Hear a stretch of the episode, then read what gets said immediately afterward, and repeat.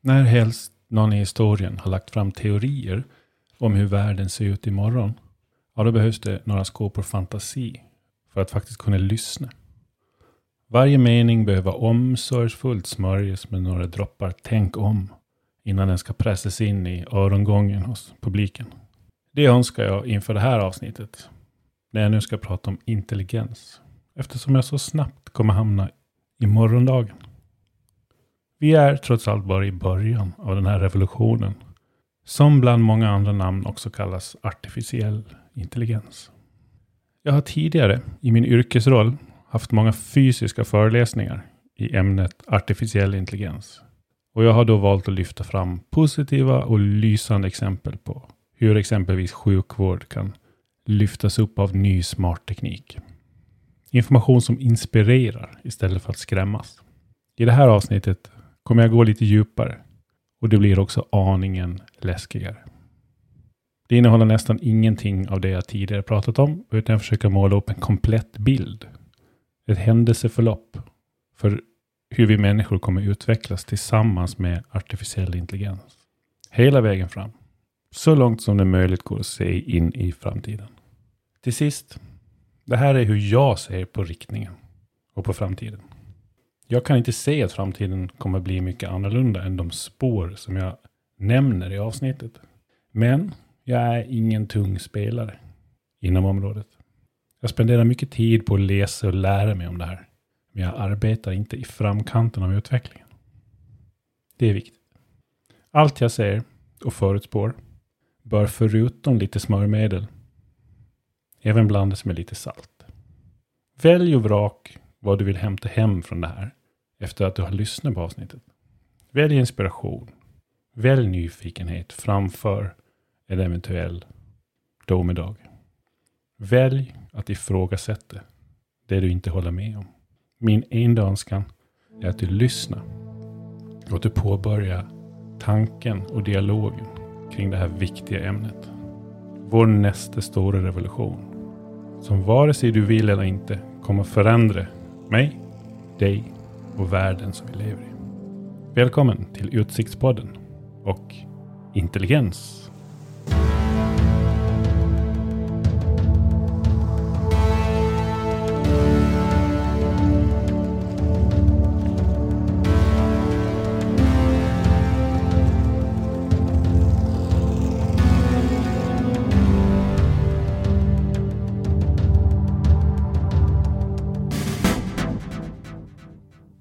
Jag måste börja med att tacka för den support som har kommit nu efter sista avsnittet, avsnitt nummer tio. Där eh, hade jag en liten sån här tvivel. Ska vi verkligen fortsätta med det här? Är det någon som lyssnar? Är det någon som uppskattar någonting? Och sen blev det som en eh, lavin på sociala medier. Och jag har, det var länge sedan jag kände mig så hyllad. Så att, såklart, jag kan ju inte lägga ner nu då om det om det finns en hel hög med människor som tycker att det här med podderiet, att det är trevligt att lyssna på. Idag tänkte jag berätta om intelligens. Och det är ett avsnitt jag har gått och dratt på länge nu. Men nu är det dags. Det är svårt att prata om intelligens såklart. För det är kanske vår främsta egenskap som människor. Det är ofta det man tänker på när man ska tänka på vad det är som skiljer oss från djur. Ja, vad är det som gör att vi räknas som den här planetens härskare på något sätt? Ja, det är intelligens. Och jag tänkte prata om det och jag tänkte berätta vad jag ser kring ordet intelligens nu och framåt. Men vi måste gå tillbaka lite i tiden först. Till 1968. Då kan man väl säga att allting började med en enkel vadslagning. Då satt den 23-årige skotske schackmästaren David Levy på ett cocktailparty som var anordnat av Donald Mitchie, grundaren i, till Edinburghs avdelning för maskinintelligens. Bredvid Levy i soffan så råkade John McCarthy hamna. John McCarthy är den amerikanen som 1955 sägs ha myntat uttrycket med artificiell intelligens. Han räknas idag som en av de här stora tidiga namnen inom artificiell intelligens. Han har jobbat med till exempel Alan Turing, som är ett annat stort namn. John McCarthy hamnade alltså bredvid David Levy som är en skotsk schackmästare. De började snacka lite och som en rolig grej då så utmanade McCarthy Levy på en runda schack. Ja, det var ju en runda som Levy vann hyfsat snabbt då, utan någon egentlig ansträngning, innan han hade druckit upp sin grogg. Men McCarthy fick då en tanke. Han sa så här, inom tio år så kommer datorer att kunna slå alla mänskliga schackmästare. Till det påståendet så skrattade Levi lite och avfärdade det. Men McCarthy står på sig. Låt oss slå vad då. 500 pund. Att det är alltså 100 000 svenska kronor ungefär omsatt till idag. Då. Att en dator skulle kunna slå Levi innan 1979. Det här var 1968, så på tio års tid. Han gav datorer tio år att kunna slå alla schackmästare. Det var en hel årslön för Levi, men han kände att ja, men jag känner mig ganska säker på det här vadet, så att, eh, han accepterade det. Åren gick. Han ställde upp i många sådana här exhibitions, utmanade datorer och vann. 1978 kom. Levi befann sig då i Toronto och blev utmanad på en match mot en dator som då sades kunna slå honom. Det skulle spelas en serie om fem matcher och den första blev oavgjord, remi. Levi vann sen både den andra och tredje matchen och datorn vann den fjärde. Nu står allting och hängde då. Sista avgörande matchen. Och den kammade Levi hem. Han tog segern i den femte sista och vann då även vadslagningen från tio år tillbaka mot McCarthy. Levi, han fortsatte vinna mot datorer i uppvisningsmatcher i ungefär 21 år framåt. Det var inte förrän 1989, i en match som var arrangerad av British Computer Society i London, som Levi till slut blev besegrad av en dator som då kallades Deep Thought. Det var alltså ett decennium innan. 1997, då IBMs superdator Deep Blue slog Gary Kasparov som sen blev en världsnyhet på en natt. Nu för tiden, då ser vi inte Deep Blue som egentligen artificiell intelligens. Det är en databas, det är en matematikprocessor. Den gjorde att den kunde utvärdera 200 000 drag i sekunden medan Gary satt där och snittade på ungefär två drag i sekunden. Men det är ändå början, det är krubban till det vi kallar artificiell intelligens. Om vi fortsätter med där vi är nu, nu håller vi på med svag artificiell intelligens. Smal AI. Eller på engelska narrow AI. Det är sociala medier använder det. När du använder ditt kreditkort, när du ska handla, så finns det AI-algoritmer där. För att ta reda på vad du har handlat och vad du skulle kunna vara intresserad av nästa gång. När du loggar in på en nyhetssida. Det börjar bli små tillfällen av det vi kallar black box-installationer. Vi vet en input, vi ser en output, men vi förstår inte riktigt vad det är som händer där i mitten. Och det är helt normalt. Det börjar bli normalt för oss människor åtminstone.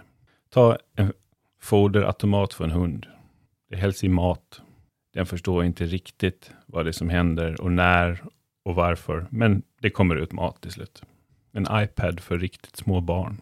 Ja, det är en black box. Man trycker på en knapp man gör lite, lite gester och sen kan man spela ett roligt spel. De förstår inte riktigt vad, vad som finns inne i iPaden. Det här är alltså ett black box och vi kommer få fler sådana. Egentligen så är en modern laptop lite av en black box för en normalt utbildad människa som inte pysslar med elektronik eller IC-kretsar och så vidare. Man stoppar i 230 volt, klickar på Spotify och ut kommer musik.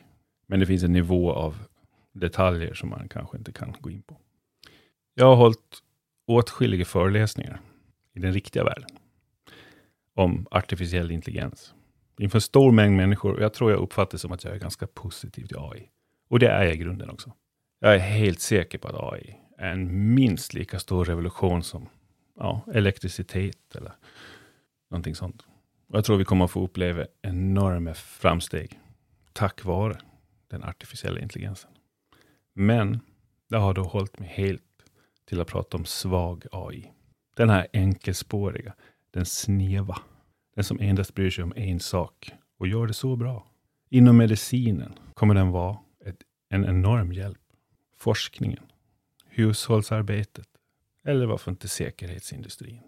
Alla de har varsin implementation. Många, tusentals implementationer av smal AI som kommer att göra underverk.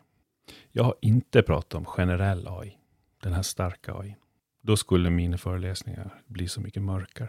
Jag tror jag skulle uppfattas som en olyckskorp. För när det gäller det, då sållar jag mig till stora röster. Stora röster som Stephen Hawkins, Elon Musk, Max Tegmark och många fler. Generell AI, ja, det är vår största utmaning som människor. Och nej, personligen är jag inte helt säker på att vi kommer att klara oss igenom det utan att utplåna oss.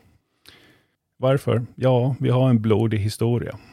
Och kombinerar man den med den potentiella kraften i generell AI, då är det inte en väg som innehåller blommor och fågelsång. Återigen, jag gillar inte att klä mig i rollen som en domedagspredikant. Jag tycker det finns tillräckligt med sånt. Jag läser mycket hellre Pinkerton eller Rosling. Och jag försöker fokusera på det som är bra. För det går ofta under radarn. Vi människor är så programmerade att fånga upp och fokusera på det som är farligt. Det är en överlevnadsstrategi för oss. Och det är det vi minns, det är det vi kommer ihåg, det är det vi ser. Men just när det gäller generell AI, det går inte att komma runt att det kan vara förödande farligt. Och vi måste prata om det också. Förflyttningen från det här enkelspåriga, smala, narrow AI, den sker gradvis och modulärt. Den smyger sig nästan obemärkt på, tror jag. Och sen ökar den exponentiellt i utveckling. Vi kanske kommer att se det som att det uppstår en konstant ström av dessa black box-lösningar. Vi vet vad vi stoppar in, vi vet vad vi får ut, men färre och färre kan egentligen förklara varför. Vår biologiska intelligens räcker inte riktigt till för att se helheten. Farligheten, det ligger inte, tror jag, i att AI blir något ondskefullt och mördar robotar som vill utrota människor. Nej, farligheten ligger i helt andra ting. Det finns såklart ett sådant scenario också, men det är inte så, en så trolig händelseutveckling. Det finns en större risk på helt andra sätt. Det första sättet är att vi sätter alldeles för mycket tilltro till artificiell intelligens. Vi litar alltså i ökande takt på alla uträkningar och besluten som den kommer att göra. Och vi hinner inte bromsa när det blir fel. Det blir ett allt större problem eftersom det inte finns någon enad konsensus kring utvecklingen av AI. Det är upp till varje forskarteam, varje företag, varje land och varje president att bygga och använda AI som de själva väljer, både användningsområde och motiv. Det kommer att bli exempel på bilar som kraschar och det blir ekonomiska algoritmer som kanske under en månads tid förlorar 12 000 dollar om dagen innan någon ens inser och kan stoppa det. Det jag just nämnde var två exempel på ting som har hänt, där man har satt lite för stor tilltro till AI. Och ju starkare AI vi får, desto farligare blir det. Problemet just i det här fallet ligger att vi AIns mål inte är detsamma som vårt mål. Det kan tyckas vara detsamma, men mål är så komplicerat. Och om det saknas fundamentala värderingar och de upptäcks för sent, så blir det elakt ganska snabbt. Ett flygplan assisterat av artificiell intelligens kan ha till synes samma mål som piloten. Att till exempel då minska åtgången av flygbränsle genom att placera sig optimalt i de här gynnsamma luftströmmarna. Men på ett ögonblick kan det få totalt andra värderingar när det gäller att kollidera med en bergstopp som plötsligt dyker upp. Eftersom det då bedöms vara det bästa alternativet till att spara bränsle. Den andra farligheten, finns säkert fler, det är att vi missbrukar den för egen vinning. Tänk på en president eller en statschef i världen. Välj vilket land du vill. Tänk dig nu att den här personen får möjligheten att styra över en AI som blir global och kan kontrollera det mesta som är digitalt och som kan bestämma vad som är rätt eller fel baserat på den ledarens värderingar. Känns det bra? Och ändå, det här är ett scenario som inte går att förhindra. All stor utveckling i världen kommer egentligen från militärindustrin. De är först fram med teknologin och de är flitigast på att använda den till alla tänkbara militära fördelar. Äger du en mobiltelefon så äger du också en, en uppvisning i militär teknologi. Den lilla digitala kameran som du har i din mobiltelefon är ursprungligen lösningen på hur spionsatelliter skulle kunna skicka bilder på ett betydligt smidigare sätt än att droppa en, en rulle film. För det var den lösningen förut. Det släpptes en rulle film ner till marken och så hoppades man att man själv skulle hinna dit med egna trupper och kunde plocka upp den rulle filmen. Då drevs utvecklingen till att skapa en digital kamera som kunde skicka bilder trådlöst till en markstation istället. Och nu sitter den tekniken i din mobiltelefon. GPSen likadant utvecklades av den amerikanska militären. Användes under Gulfkriget 1990 för att hålla reda på positioner, och trupper och mål i Irak. Det fanns då och under ganska lång tid en störsignal. Och när den, när den stängdes av sen så blev alla kartor för bilister och seglare hela världen över blev plötsligt så mycket mer exakta. Att du överhuvudtaget kan ringa med mobilen är en teknik som såg, som såg ljuset första gången under andra världskriget. Då körde man omkring med militärjeepar med radiosändare som fick sin ström av stora batteriuppsättningar i bakluckan. Efter 1945, ja, då var det befogat att ställa sig frågan, kan den här mobila radiotekniken kanske ges en fredlig uppgift nu? Och någonstans där så föddes embryot till mobiltelefon. Ja, förutom det då så använder ju din telefon IP-nummer, HTML, internet, litiumbatterier, taligenkänning, multitouchscreen. Allt det där det tas fram för militära syften. En uppvisning i militär teknologi. En sån enkel sak som en mobiltelefon. Att AI utvecklas, drivs, nyttjas för militärt bruk, det är ju ingen hemlighet alls. Att den militära industrin kommer att vara först ut med alla steg mot en stark AI, det är ingen högoddsare. Frågan är väl vilken världsledare som kommer först. Just nu ser det väl ut som att det är 50 procent chans att det är Kina. 30 procent i USA, 10 procent Storbritannien och resten av världen de delar på de här resterande 10 procenten. De här siffrorna de representerar andel globala investeringar som görs av varje land i just AI-forskning. Det finns någonting som kallas för Drake-ekvationen. Det är en uträkning som egentligen går ut på att tala om såklart så finns det liv på andra planeter. Man räknar upp antal beboeliga platser i universum och vad som krävs för liv och så vidare. Och man kommer fram med en hundraprocentig kalkyl att vi är inte ensamma i universum baserat på det. Eh, men då frågar man sig, men om det nu finns liv på andra planeter, var, var är de? Vi har inte sett någonting. Och det är en annan teori som heter Fermi, paradoxen. Den försöker besvara det här genom att ja, civilisationer de kanske ligger för långt bort för att radiosignaler ska vara ett bra medium. Det är därför vi inte upptäckt dem. Eller de flesta andra beboeliga platser kanske har en molntäckt himmel.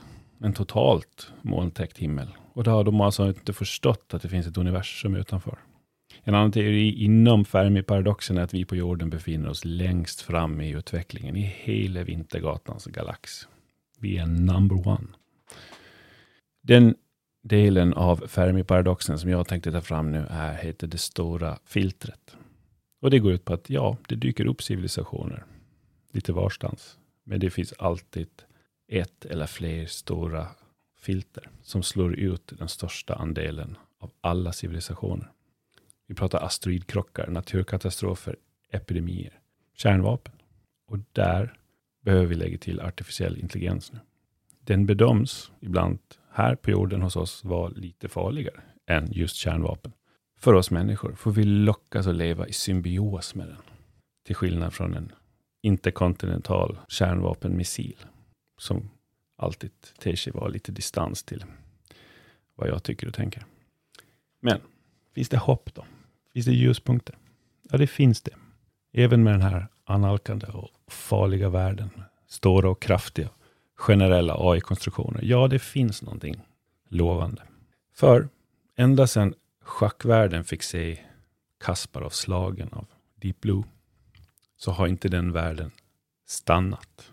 Deep Blue packades ihop, sattes på museum för att aldrig användas igen. Men resultatet fortsatte. Det gjordes vassare och vassare schackdatorer. Under ett tag så var så fortsatt schacktävlingarna med olika datorgrenar.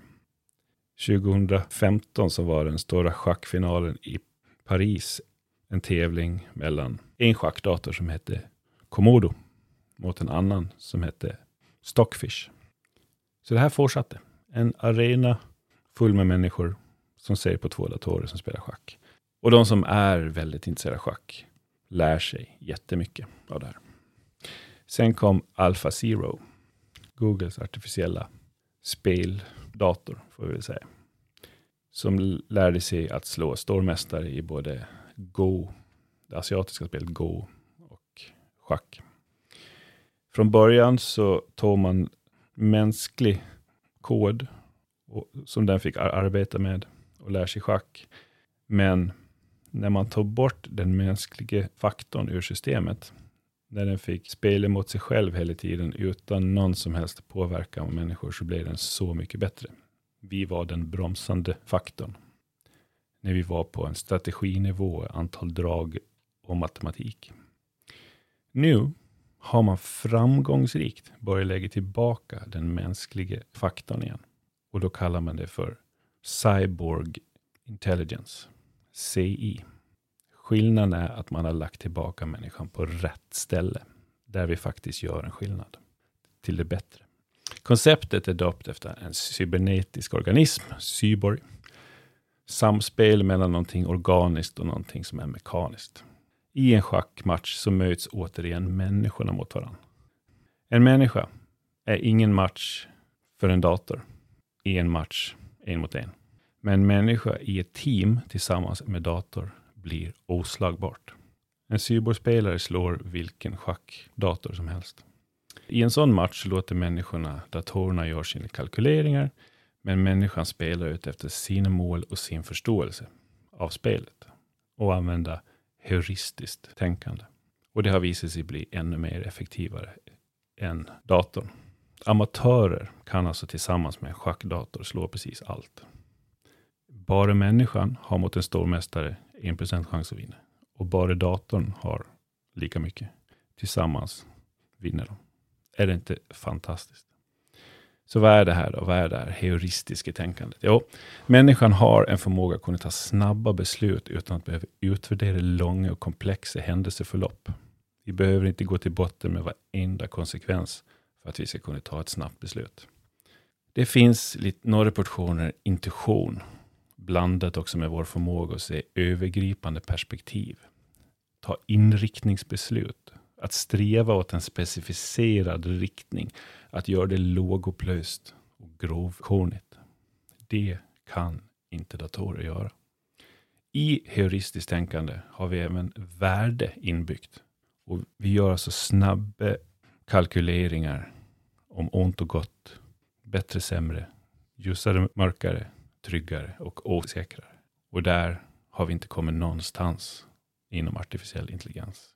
Det är värde är någonting som vi inte ser lösningar för än idag, även om vi jobbar mycket på det. Heuristiskt tänkande som människor har varit alltså en framgångsfaktor som har med vår överlevnad att göra. Vår evolutionsprocess. Och vi har ju i vår art 200 000 års erfarenhet av heuristiskt tänkande. Vi gör ibland fatala misstag. Vi gör felbedömningar. Vi skulle ha gått lite djupare i konsekvensanalysen. Men vår evolutionsprocess stödjer det. För de som överlever var de som tog de snabbare, bättre besluten. Elon Musk kom för något år sedan ut och sa att det här med hjärna och maskin och att det måste sättas ihop. Att det är vår väg framåt. Först ska han, han åka till Mars och efter det så kommer han bara fokusera på Neuralink. Och Neuralink pysslar just nu med att ta fram en ultra fine mesh, ungefär som ett med hjälp av nanoteknologi ta fram som ett nät som jobbar med hjärnan. En hjärnuppgradering. Det kommunicerar sömnlöst med hjärnan och försök pågår nu med möss. Och enligt Elon då, så är det här vår chans att göra AI-revolutionen lite mindre omvälvande, inte så kantig och att det kanske behåller oss människor i ekosystemet. Människor med den här uppgraderingen blir fortsättningsvis en maktfaktor och den som styr. Cyborgintelligens. Kommer vi då använda Elon Musks Neuralink när den finns tillgänglig? Bajsar björnar i skogen? Vill du kunna använda alla digitala medier med bara tanken? Vill du få hjälp att utvärdera svåra beslut snabbt på näthinnan? Vill du ha fakta, minnesstöd, lite visuella grafer och hjälpmedel? Lika tillgängligt som namnen på dina barn när du behöver det. Äger du en mobiltelefon idag och på intet sätt skulle vi sluta upp med det, ja, då kommer du också utrusta dig med ett brain mesh för att nå din egen och din omgivningspotential. Att ens hänga med flocken. Återigen, så är vi människor. Vi hänger med flocken. De som väljer att stanna kvar i människa 1.0 då, utan det här. Det blir som ett statement. Det blir någonting mer unikt. Det blir som att i dagens läge flytta ut på landet med vedspis utan, utan internet. Så vart i tiden är vi nu då? Vågar jag mig på den här gissningen när vi har det här på plats? Ja, varför inte? Det är en podd. Det sparas. Det kanske är kul om jag, om jag får rätt. Jag tror att de första versionerna av ett, den här fungerande digitaliserade hjärnuppgraderingen, prototyperna, kommer att finnas runt 2030. Det är nio år bort. Små enkla sådana versioner finns redan idag. Men den är väldigt grov upplöslig. Men den kan fånga en väldigt enkel tanke. 2030 och sen ger jag den prototypen ytterligare några år innan den är klar för en lite större marknad. Så 2035, då håller du inte en mobiltelefon i handen längre. Det var människa 2.0. Och när vi har kommit så här långt, när vi har tagit den tekniken, en nanodistans ifrån aktiviteten i vår egen hjärna, då är det inte så svårt och redan då tänker nästa steg. Vad kommer efter det? Då tar vi hjärnan till tekniken istället. Och när vi gör det, då förändrar vi hela världen på det mest radikala sättet hittills. Då har, kanske vi kan rädda den här planeten och vår överlevnad. Och då kanske det också är den enda chansen som finns kvar för oss att göra det. Men det kräver att vi accepterar några små moraliska och sentimentala detaljer först. Detaljer som till exempel att vi behöver vår biologiska kropp. Ja, jag pratar alltså om att flytta vårt biologiska och kemiska medvetande till den digitala världen. Försök med att mappa en hjärna och medvetande pågår redan nu idag. Vi sitter nu och så stryker vi morrhåren på möss och sen kartlägger vi allt som händer i hjärnan hos dem. Då. Och vi har kartlagt upp till de första 20 millisekunderna. Allting. 20 millisekunder är ingenting. Så vi har en väldigt lång väg kvar. Reaktionerna efter att du har strykit på de här mössens morrhår kan ibland pågå i flera minuter. Och vi har kommit 20 millisekunder. Men ändå, vi har kommit det. Vi har kommit 20 millisekunder. Det blir ganska snabbt lika utmanande som att försöka följa en droppe vatten i ett stort vattenfall. Det är väldigt svårt. Men vi kommer komma dit. Med AIns hjälp, definitivt. Och det krävs väldigt kraftiga datorer. Men dit är vi också på väg. När vi gör det, när vi kommer dit, då förändras världen och då förändras vi. Vi kan då förutse reaktioner, känslor, tankar. Och då kan vi även indirekt påverka minnen. Om vi förstår så mycket så vi kan simulera händelser, så kan vi också skapa de spår i vår hjärna som uppstår när minnen skapas. Och kan vi skapa minnen, ja, då kan vi skapa allt som har med vårt medvetande att göra. Minnen, erfarenheter, tankemönster, vanor, värderingar, personlighet. På samma sätt som våra klockor och sökmotorer och mobiltelefoner med GPSer och you name it. På samma sätt som de kartlägger våra liv och vanor idag, så kommer den här brain meshen, hjärnuppgraderingen, redan från dag ett och påbörja kartläggningen av det vi kallar medvetande. Jag skulle bli förvånad om det tar ens ytterligare tio år, alltså 2045, innan vi kan påbörja den här resan mot det här digitala medvetandet. Men det kan ta längre, såklart. Härifrån, då är inte steget långt till evigt liv i en värld utan miljöproblem. Livet i den digitala världen. För överhuvudtaget kommer dit fysiskt och i tanken så måste vi inte bara förstå de tekniska, de elektromagnetiska impulserna eller de kemikaliska effekterna av hormoner, utan vi måste även förstå vårt värderingssystem, människornas värderingssystem. Det är kanske det som är den svåra utmaningen. För vi måste även acceptera det vi kanske inte alltid vill inse. En eh, insikt som vi vägrar acceptera är att vi människor kräver elände. För oss är elände absolut livsnödvändigt. Vi behöver lidande, vi behöver mörker, vi behöver elakheter, ondska och vi behöver döden. Känns det lätt att acceptera? Och vi klarar oss inte utan det här heller. Alla dessa ting ger värde. Honungen smakar lite ljuvligt med hjälp av vetskapen om att du kommer dö. Det låter lite långsökt, men allting pekar mot det. Vi behöver genomgå lidande för att kunna uppskatta en solnedgång i tystnad. Eller ens ett leende. Vi behöver kämpa, vi behöver dra vår och andras vikt för att kunna känna oss betydelsefulla. Vilka världar vi än skapar åt oss själva digitalt måste de innehålla proportionerligt mycket elände för att vi ska kunna njuta av det som är bra. Vad händer annars? Ja, vi tappar livslusten. Det blir ett fängelse. I otaliga psykologiska experiment genom tiderna, så har vi gång på gång bevisat att vi människor klarar inte av ett paradis. Det slutar med galenskap eller självmord.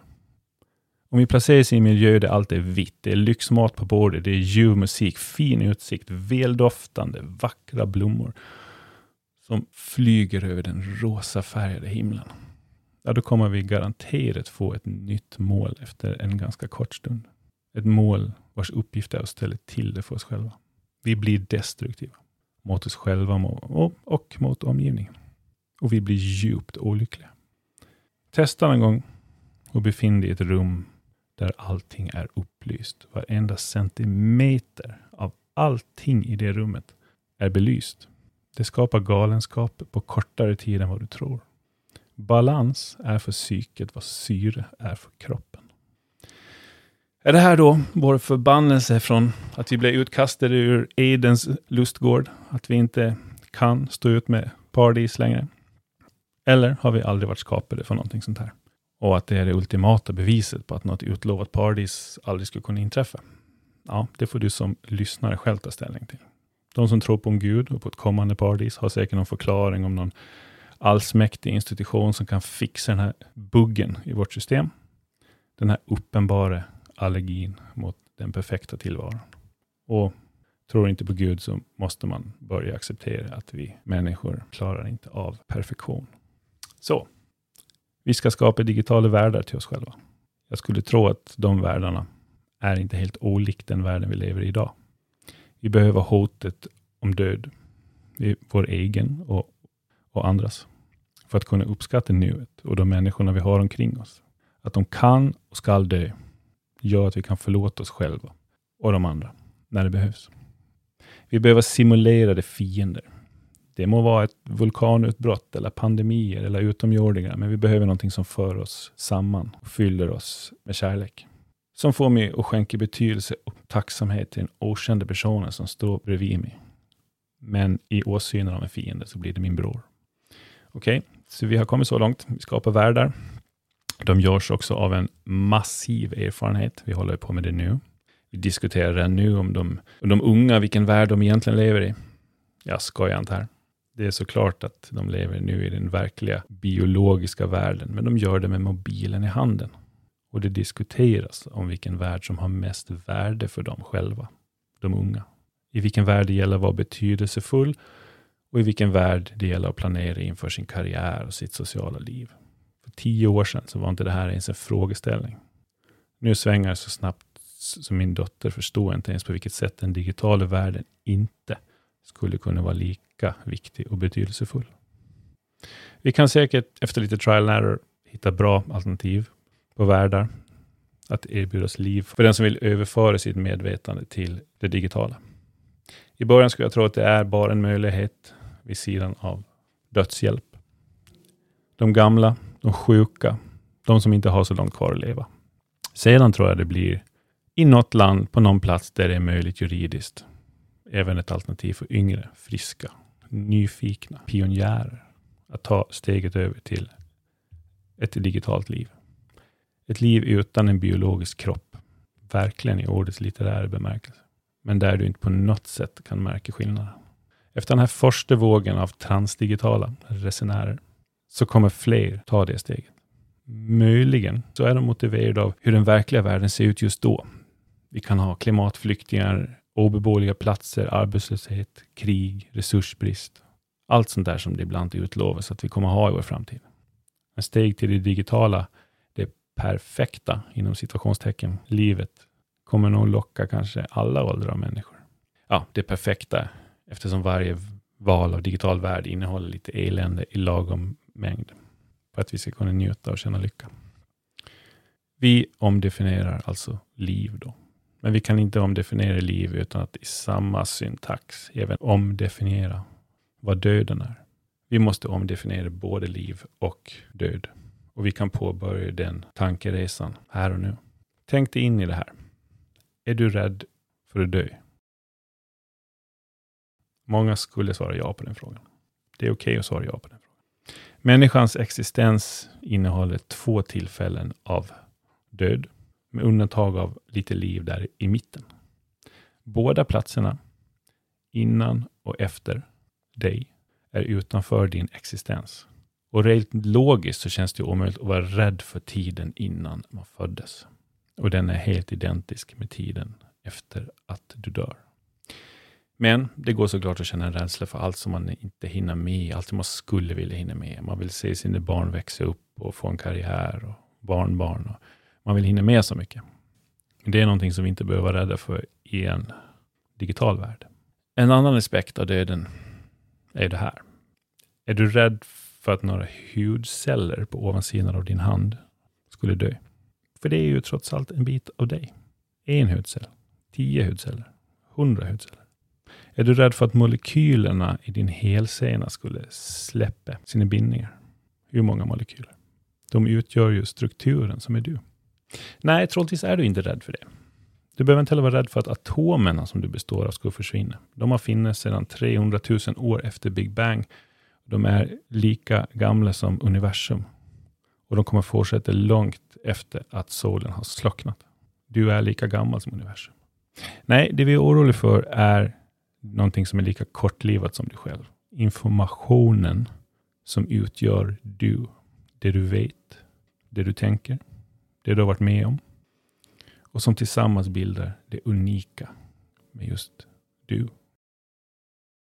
Det försvinner när du dör. Fram till nu är ju enda möjligheten att inte dö och utplånas helt från all existens. Det är att lämna någon form av spår efter sig. En spår av information. En gravsten är ju ett spår, men det är inte så värst aktivt och berättar inte jättemycket. Shakespeare, han lämnade efter sig betydligt mer information. Och existerar egentligen ännu idag om man skippar den biologiska delen och endast ser till informationsdelen. Så fort jag pratar om Carl Sagan, vilket jag gärna gör, i många av mina poddavsnitt, så finns hans information kvar och lever lite genom mig. Att göra den transdigitala resan, ja, det är att ge sig själv evigt liv. Att välja att inte göra det kommer bli det destruktiva valet. Den som dröjer kvar i mörkret. Den som utan att kunna se sitt eget värde låter strandvågen spola bort det som skrivits i sanden. Nattfjärilen som kastar sig mot ljuslågan. Man lever sitt liv på jorden och när du är färdig i den skolan, då väntar det stora äventyret. Ungefär som religionen har predikat i tusentals år. Men det här är ett paradis som du själv har varit med och designat. Kanske finns det ett antal världar att välja på. Kanske har vi nybyggarscenen, 1870-tals Amerika och Lilla huset på prärien. Kanske kan man välja den här oskyldiga amerikanska idyllen på 1950-talet innan Kennedy-mordet. Fast lite redigerat så det inte finns rasism eller cancerframkallande ämnen i solkrämen. Varför inte testa ett liv i det spännande myten om Atlantis? Eller det till synes sorglösa livet som en rik köpman i Hansastaden Visby under 1200-talet. Fast lite redigerat så du inte kan dö av en infektion eller lunginflammation. Kanske finns det lite prova på alternativ när du väljer värld. Och gillar du inte det så går du till automaten utanför kommunhuset och byter server. Ett byte som medför en viss risk dock. Automaten kan ju vara hackad och du kan hamna i, ett, i en rysk fängelseserver där du tvingas tillbringa evigheten med att validera digital valuta i en bitcoingruva. Ja, det är lätt att förlora sig i tanken med hur vi med all vår erfarenhet av dagens onlinevärldar skulle kunna bygga upp riktiga onlinevärldar för oss människor att leva i. Det är och kan bli ett liv som kan gå på repeat. Där du är garanterad ett liv till efter det här. Ett liv som blir evigt i stor bemärkelse och kan liknas vid någon form av paradis skapat av de gudar som vi själva gjorde oss till. Om vi nu kan skapa minnen och vi kan skapa medvetanden, vad är det som hindrar oss för att inte skapa helt nya människor i den här digitala världen? För det är väl så det måste gå till om vi fortsätter med den här idén om att tvåsamhet är det vi gillar.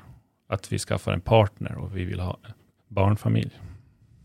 Att man skapar ett barn är väl då kanske att man ger en del av sin unika kod och i en process så blandas den med min partners unika kod i en till synes digital evolution så blir det en ny människa som påminner lite om oss till utseende och beteende.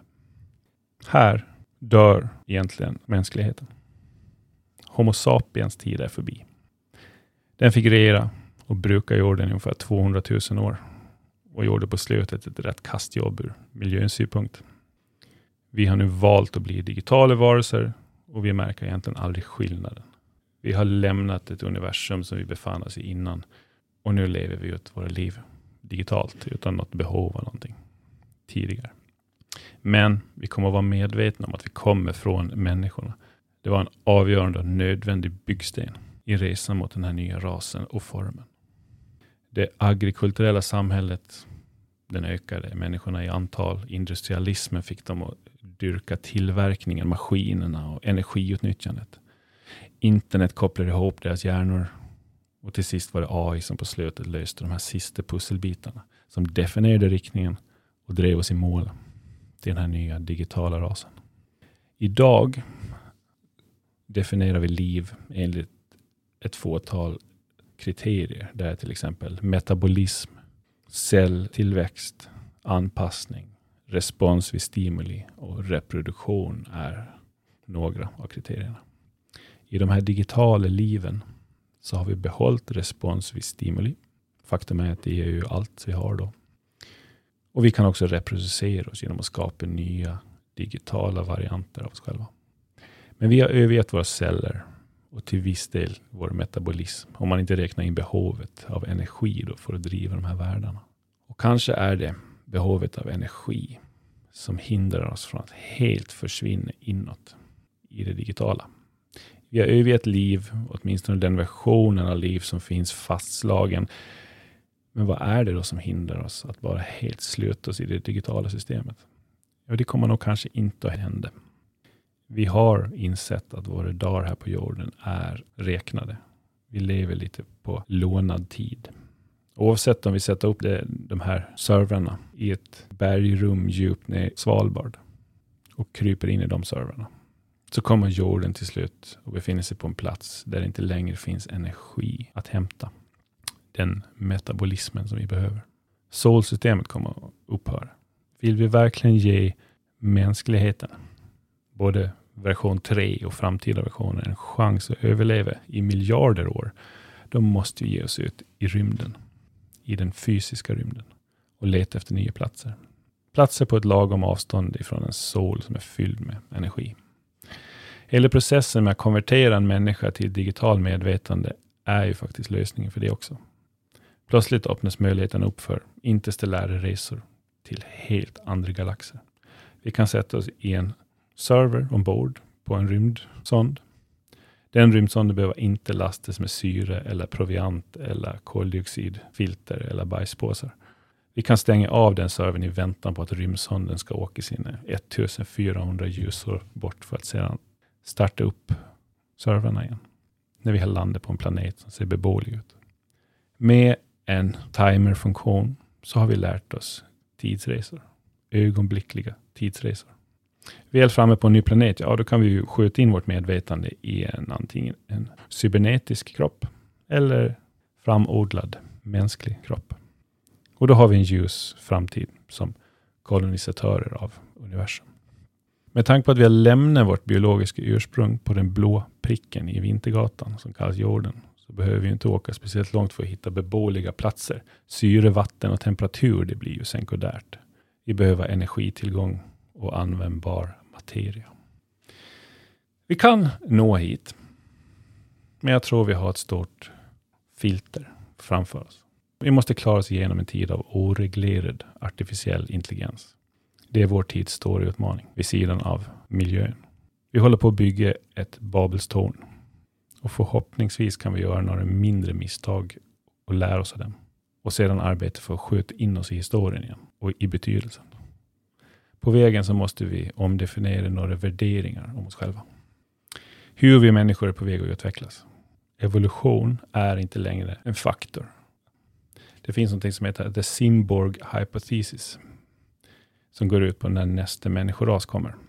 Och vi har, Homo sapiens har funnits i ungefär 200 000 år och vi har ungefär 200 000 år kvar innan vi har utvecklats så mycket så att vi kan kalla det för en ny ras. Vi har nog inte 200 000 år kvar på den här planeten. Jag är rädd för. Vi måste acceptera att vi snart kommer att styra över vår egen evolution. Och att bli en digital varelse är kanske det enda sättet vi kan ta oss vidare från den här planeten. Vi måste tänka om kring liv och död och vi måste rama in meningen med allting.